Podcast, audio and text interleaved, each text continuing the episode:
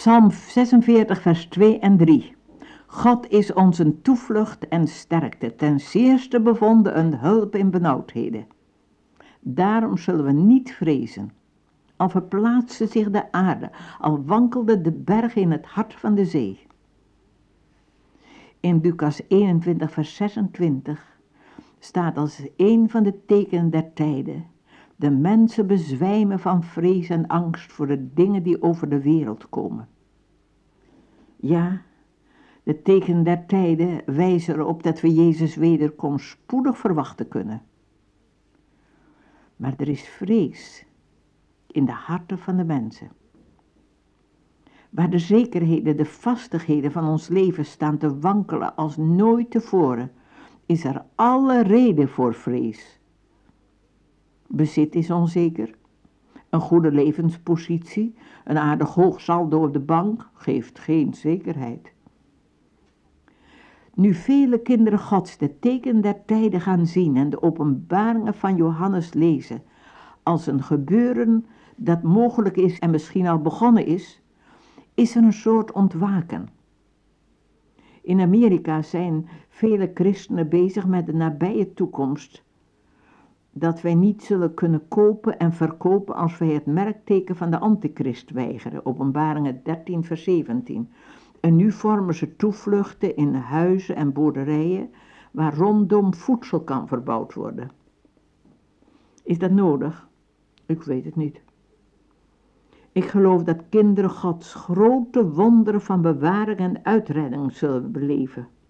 Ook al gaan we door grote verdrukking. De Bijbel geeft veel zekerheid voor nu en voor wat komt.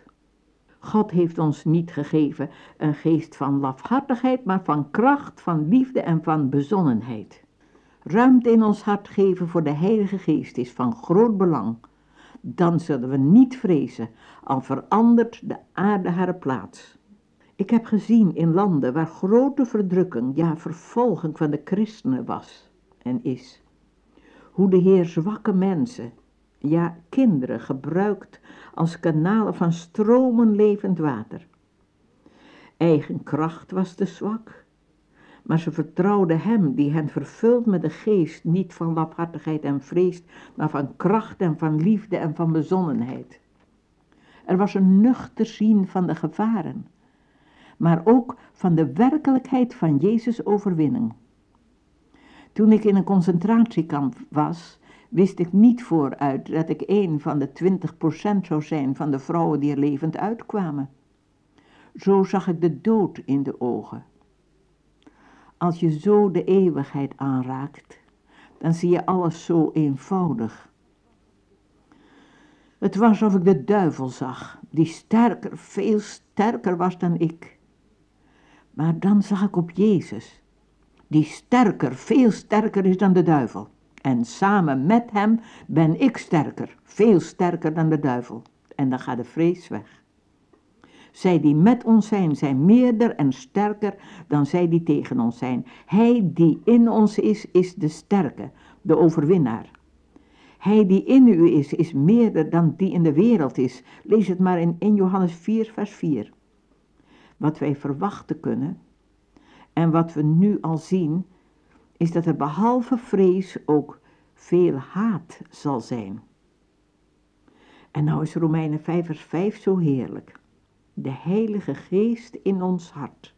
Dat betekent dat de Heer Jezus Gods liefde in ons hart brengt. Door die Heilige Geest die ons gegeven is. En die liefde is het vaste punt in de komende tijd. Van pastor Wormbrand die een christen-jood is, wordt het volgende verteld. Een medegevangene van hem, ook een jood, haatte hem omdat hij christen geworden was.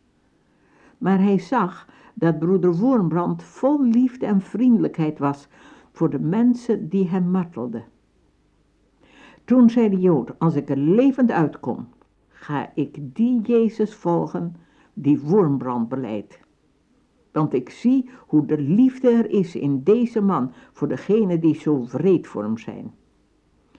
Hij kwam er levend uit en volgt en dient Jezus nu als een echte, complete Jood, die zijn Messias Jezus nu al kent en volgt. Menselijke liefde faalt en zal falen. Gods liefde faalt nooit en die zullen we ervaren en zullen de mensen met wie we in aanraking komen ervaren. Want ze zullen in ons zien dat er geen vrees is, maar overwinnende liefde. De liefde Gods. En er is in die liefde geen vrees. Voor compromis zal er geen plaats meer zijn. Het zal ja of nee zijn.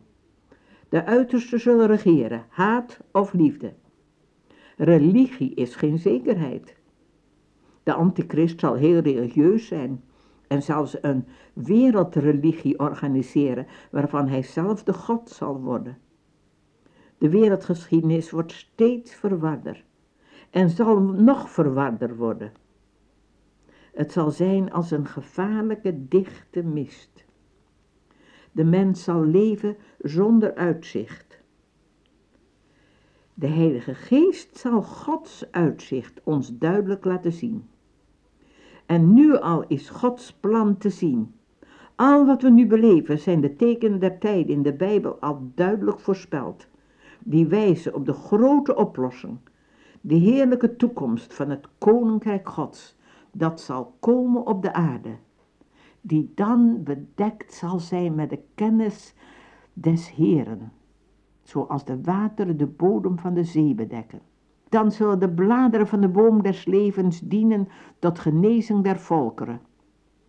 Er is dus een toekomst voor de volkeren. De toekomst is heerlijk. Het beste komt nog. En u en ik mogen meewerken Jezus komst te verhaasten. Word vervuld van Gods geest, dan is er geen vrees, maar liefde, liefde Gods die wint. Dank u, Heer Jezus, dat u in onze harten Gods liefde geeft, door de Heilige Geest die ons gegeven is. Dank u dat die liefde wint en blijft en zal maken dat we niet vrezen al veranderde de aarde haar plaats en werden de bergen verzet in het hart der zee. Halleluja. Kom haastig, Heer, ja, kom spoedig. Het is zo donker op de aarde. En maak ons bereid voor het grote feest. Dank u wel. Amen.